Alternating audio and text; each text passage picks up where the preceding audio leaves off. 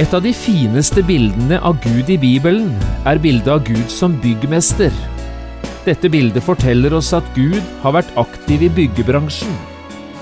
Bibelen forteller oss at Gud har satt i gang fire store byggeprosjekt som vi mennesker nå er vitne til. Skaperverket, Frelsesverket, Menighetens byggverk og himmelen. Et av disse byggverkene skal vi snakke om i dag.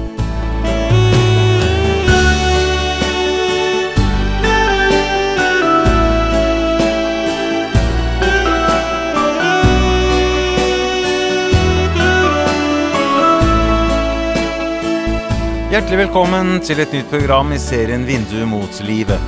Programmet er produsert av Kristen Riksradio og blir ledet av Jon Hardang. Denne programserien er produsert med støtte fra Stray Nordform kjøkken og bad.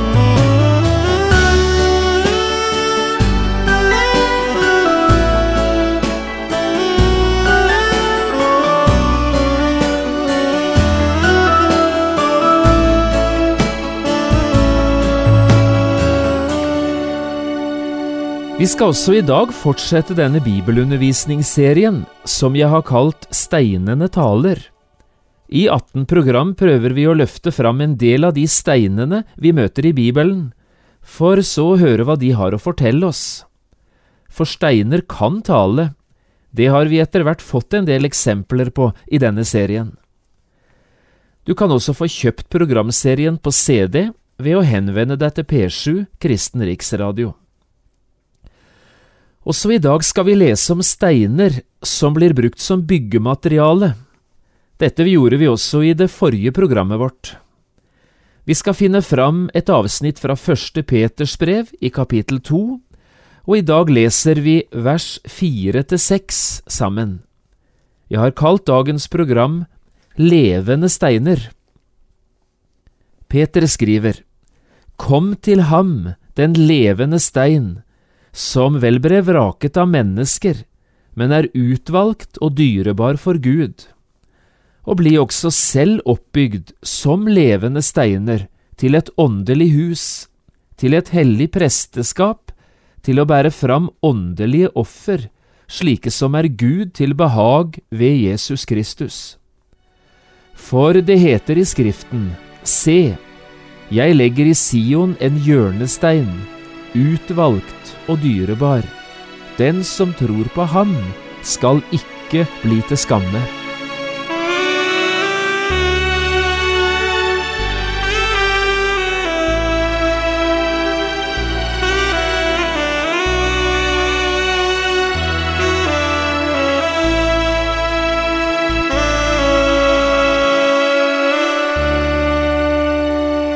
Det brukes en rekke forskjellige bilder på Gud i Bibelen, bilder som vil lære oss hvem Gud er, og hvordan han ønsker at vi mennesker skal oppleve han i vårt liv. Her skal du få et knippe slike bilder.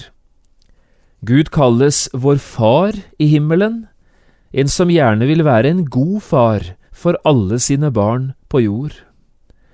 Gud kalles for konge, og er den som styrer og regjerer i denne verden. Gud kalles også for hyrden, han som går foran sin jord, sitt folk, som fører dem, nærer dem og vokter dem. Og så kalles han dommeren, legen og læreren. Alt sammen er dette bilder som løfter fram ulike sider ved Bibelens Gud. Og slik kunne vi bare ha fortsatt. Bildene er mange og sterke, og alle sammen så forteller de noe spesielt om Gud. I dag vil jeg imidlertid løfte fram et annet bilde på Gud. Det er verken det mest brukte eller best kjente, det er bildet av Gud som byggmester. Men også dette bildet viser oss en stor Gud en Gud som er aktiv i byggebransjen, og som har satt i gang de største og viktigste byggeprosjekter som vi mennesker noen gang har vært vitne til. Bibelen lærer oss fire slike byggeprosjekter å kjenne, fire ulike byggearbeider der Gud selv er byggmester. Det første store byggeprosjektet Gud satte i gang, kaller vi for skaperverket. Det handler om det som skjedde da Gud i tidenes morgen skapte himmelen og jorden. Alt ble skapt av intet, og det ble skapt gjennom Guds ord. Og verksmesteren her var Jesus, Guds sønn. Det andre byggeprosjektet var enda større. Vi kaller det for Frelsesverket. Også her sto Jesus, Guds sønn, sentralt, mens skaperverket bare hadde kostet Gud et ord, så kostet frelsesverket Gud hans eneste sønn.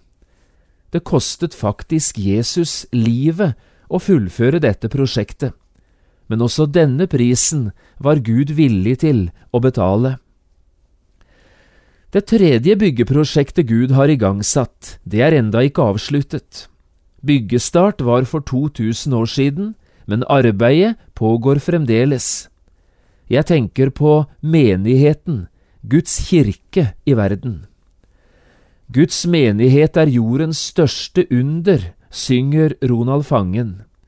Og dette handler altså om det Gud er opptatt med å bruke tid og krefter på i våre dager. Det fjerde og siste byggeprosjektet, det er heller ikke avsluttet. Jeg tenker på himmelen. Om Abraham så står det slik i Hebreerbrevet 11 og vers 10. Han ventet på staden med de faste grunnvoller, den som har Gud til byggmester og skaper. Også i dette byggearbeidet er Jesus engasjert. Selv sa han det slik at han ikke vil komme tilbake for å hente sine før alle de himmelske rommene er gjort ferdige. Her har du de altså, de fire store byggearbeidene, skaperverket, frelsesverket, menigheten og himmelen. Og det er altså Gud selv som står ansvarlig som byggmester for alle fire prosjektene. Nå skal vi i dag ikke si mer om tre av disse byggeprosjektene. Vi sier ikke ett ord om skaperverket, ikke noe mer om frelsesverket, og vi skal ikke snakke om himmelen.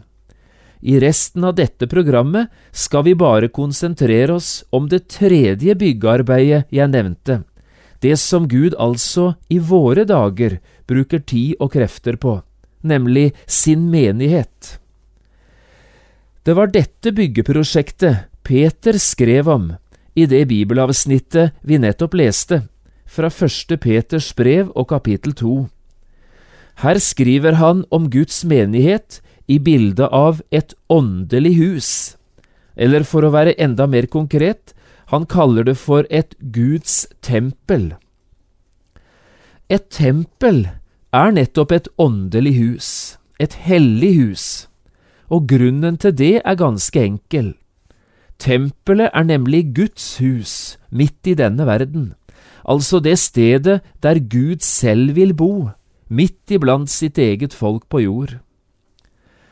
For mennesker som er kjent med Israels historie, er dette bildet ikke vanskelig å få tak i. I Israels historie, slik vi møter den i Det gamle testamentet, møter vi nemlig to slike bygninger. Vi møter tabernakelet, og vi møter tempelet. Begge deler er et slikt hus, der Gud selv tok bolig midt i sitt eget folk på jord. Tabernakelet, det var teltbygningen Moses fikk beskjed om å bygge da israelittene lå i leir ved Sina i fjellet. Siden ble tempelet reist i Jerusalem. Begge disse bygningene, tabernaklet og tempelet står som forbilder både for Peter og Paulus, for begge disse to skildrer hver på sin måte Guds menighet på jord i bildet av tempelet. Og det er dette bildet jeg hadde lyst vi skulle se enda litt nærmere på nå i dag. Bibelen legger vekt på fire forskjellige deler når den skildrer tempelbygningen for oss og disse fire delene kommer igjen når tempelet blir brukt for å lære oss Guds menighet å kjenne. Først får vi høre om hjørnesteinen, eller hovedhjørnesteinen. Videre får vi høre om grunnmuren, altså om alle de andre grunnmursteinene. For det tredje møter vi murene, altså alle de bygningssteinene som blir brukt til å reise tempelets murer. Og endelig får vi høre om toppsteinen. Det er den siste steinen som blir lagt på plass, og når toppsteinen er på plass, ja, så er tempelet ferdig. Her har du de fire bestanddelene, hovedhjørnesteinen, grunnmursteinene, bygningssteinene og toppsteinen. Og det geniale er nå at alle disse fire steintypene også vil fortelle oss viktige ting om hva som kjennetegner det nye tempelet i verden, altså Guds menighet på jord. Dette åndelige huset som Peter taler om i sitt første brev. Og nå skal du få anvendelsen. Hjørnesteinen, som altså er den første og viktigste steinen i hele huset, den brukes i Bibelen som et bilde på Jesus, både på hvem han er, og hvilken betydning han har for den kristne menighet. De andre grunnmursteinene, de er et bilde på Bibelen, på de hellige skriftene, som den kristne menighet nå får bygge på, både når det gjelder lære og liv. Alle bygningssteinene, altså tempelmurene, de brukes som et bilde på alle de menneskene som nå kommer til tro på Jesus og blir frelst. De blir føyd sammen, stein på stein, og legges lag på lag oppå hverandre, og utgir på denne måten til sammen hele det tempelet der Gud i dag vil bo midt i denne verden. Det er fordi det er levende, kristne mennesker vi her snakker om, at Peter kaller menigheten for et levende hus. Og til slutt har vi altså toppsteinen. Det er den siste steinen som skal legges på plass. Når toppsteinen er plassert, så er bygningen ferdig. Dette forteller oss om at en dag blir det siste mennesket frelst i denne verden. Og så er menighetens tall fullt, og Jesus kommer igjen for å hente denne sin menighet hjem til himmelen. Her har du oversikten over de forskjellige bildene, og hvordan de forskjellige steinene altså kan lære oss forskjellige ting om Guds menighet på jord. Og dette vil jeg si enda litt mer om i fortsettelsen av programmet. Først noen ord om grunnmuren, og om de forskjellige steinene i grunnmuren. Den viktigste steinen her kalles altså for hjørnesteinen, eller hovedhjørnesteinen. Denne steinen er avgjørende for flere ting når et nytt hus skal bygges. Den bestemmer hvor på tomta huset skal ligge, den bestemmer hvilke retninger alle veggene i huset skal ha, og den bestemmer også hvilket nivå huset skal ligge på. Denne hovedhjørnesteinen, det er i Bibelen et bilde på Jesus, og dermed den betydningen han har for vår frelse. Jesus er den viktigste du og jeg skal forholde oss til, for eh, bare i et rett forhold til Jesus kommer vi med i Guds menighet. Disse tingene snakket vi en god del om i det forrige programmet vårt, og vi skal ikke si noe mer om dette her. Men i Efeserbrevet 2 skriver også Paulus om dette med grunnmuren. Han nevner grunnmursteiner og hovedhjørnestein. Og i denne sammenhengen tar han fram en annen side ved menighetens grunnvoll enn det Peter gjør, og dette vil jeg gjerne ta med her. La oss lese nå det avsnittet jeg tenker på fra Efeserbrevet og kapittel 2. Vi finner det i vers 19 til 22. Hør nå hva Paulus sier her om Guds menighet på jord. Så er dere da ikke lenger fremmede og utlendinger, men dere er de helliges medborgere og Guds husfolk, bygd opp på apostlenes og profetenes grunnvoll, og hjørnesteinen er Kristus Jesus selv. I ham blir hele bygningen føyd sammen og vokser til et hellig tempel i Herren. I ham blir også dere, sammen med de andre, bygd opp til en Guds bolig i ånden. Vi hører her at Paulus er opptatt med det samme som Peter skriver om, nemlig at menigheten er Guds tempel på jord. Men når det gjelder grunnmuren, nevner han altså en ting som Peter ikke tar med. Menighetens grunnvoll er ikke bare Jesus, men også de hellige skriftene, de som er gitt oss av apostler og profeter. Grunnmuren heter altså også Bibelen. Jesus er hjørnesteinen, og resten av grunnmuren som den kristne menighet bygger på, det er de bibelske skriftene. Dermed bygger Guds menighet på en grunnmur som er satt sammen av 67 forskjellige steiner. Det er én hovedhjørnestein, Jesus og hans frelse. Det er 39 grunnmursteiner som er merket GT, altså Skriftene i Det gamle testamentet, og det er 27 grunnmursteiner som er merket NT, Skriftene i Det nye testamentet. Og hør nå, på denne måten er grunnmuren for Guds menighet ferdig. Den skal verken forandres eller utvides. Ingen kan legge en annen grunnvoll enn den som er lagt, det er Jesus Kristus. Slik skriver Paulus det i første Korinterbrev 3,11. Og i kapittelet etter, i første Korinterbrev 4,6, sier han det slik, Brødre, for deres skyld har jeg overført dette på meg selv og Apollos, for at dere av oss kan lære at en ikke skal gå utover det som er skrevet. Det betyr i klartekst, som kristne mennesker skal vi verken bygge troen vår eller livet vårt på noe annet enn det som er gitt oss i Bibelen. Ikke drømmer og visjoner, ikke syner og profetier, ikke sterke forkynnere eller nye læresetninger. Grunnmuren heter Bibelen, og Bibelen er Guds avsluttede ord, som vi verken skal forandre eller supplere.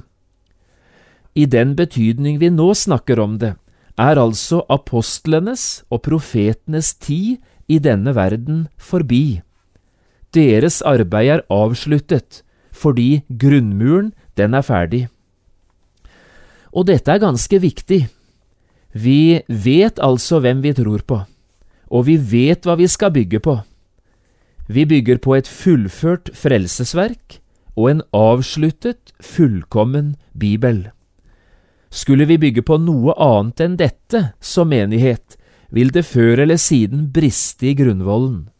Da har vi rett og slett bygd på sand. Så noen ord om bygningssteinene, for det er dette Peter skriver om når han altså sier det på denne måten om den kristne menighet. Bli også selv oppbygd som levende steiner til et åndelig hus, til et hellig presteskap, til å bære fram åndelige offer, slike som er Gud til behag ved Jesus Kristus. Guds kirke er altså ikke bygd av tre eller betong. Guds menighet er ikke et vanlig hus som er plassert et eller annet sted på jord. Guds menighet er bygd av mennesker, levende steiner, som Peter kaller det her. Kirken er dermed å finne alle de stedene hvor det er kristne mennesker til stede. Men hvis det ikke er kristne mennesker til stede, ja, så er heller ikke kirken der, selv om et kirkelokal eller et menighetshus kan se aldri så fint ut. Men hvordan bygger så Gud denne sin menighet? Hvordan skjer det byggearbeidet som Gud i dag utfører i sin menighet? Ja, nå skal du få høre et merkelig ord, hentet fra byggingen av Salomos tempel. I første kongebok 6.7 står disse ordene. Da huset ble reist, ble det bygd av hele steiner fra steinbruddet. En hørte verken hammer eller øks eller noe annet jernredskap i huset da det ble bygd. Byggingen av Salomos tempel foregikk altså i fullstendig stillhet, ikke én lyd fra noe jernredskap. Og dette bibelverset har mange undret seg over. Hvordan kunne det være mulig? Stillhet på en byggeplass? Men svaret ble klart da de store grottene i fjellet under byen Jerusalem ble oppdaget lang tid seinere. Her oppdaget en at alle steinene til tempelet i Jerusalem ble hugget ut og gjort ferdig i form og størrelse under jorden, før de så ble fraktet opp på byggeplassen. Steinene ble gjort ferdig i det skjulte, men resultatet, det ble åpenbart for alle når steinene ble lagt inn i tempelmuren. Og jeg tror det er på nøyaktig samme måte Gud gjør det i dag, når han bygger sin menighet, når Guds ord når inn til et hjerte, når et menneske tar sin tilflukt til Jesus, så blir dette mennesket født av Gud, født på ny. Og det arbeidet som Gud gjør når han gir et menneske del i det evige liv, det skjer i det skjulte. Det er Gud som frelser et menneske fullkomment, og former det på sin måte til en ny, levende stein, gjort ferdig til menighetens fenomenale byggverk. Ser du det? Frelsen skjer altså i det skjulte, men resultatet, det er åpenbart for alle. Et nytt menneske begynner å leve et nytt liv midt i denne verden.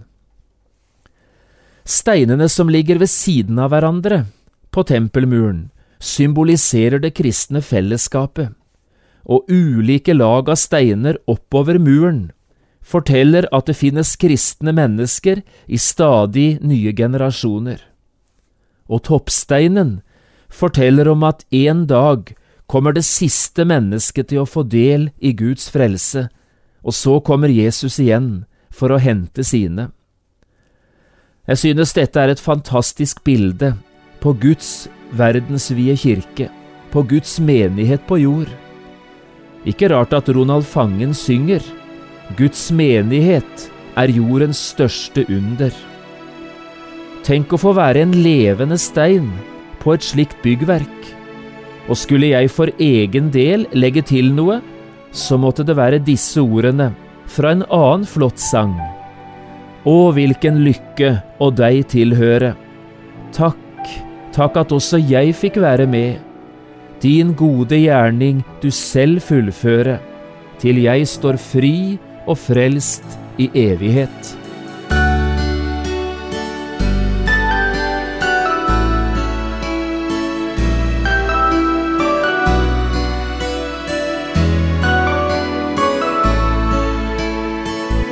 Du har lyttet til et program i serien Vindu mot livet med John Hardang. Programmene i denne serien kan også kjøpes på CD fra Kristen Riksradio, eller høres på internett på p7.no. Har du spørsmål eller kommentarer til det du nå har hørt, kan du ta kontakt med oss. Adressen er Kristen Riksradio, Skiene 2, 5353 Straume. Eller send en e-post vml alfakrøll p7.no. Takk for i dag, og på gjenhør.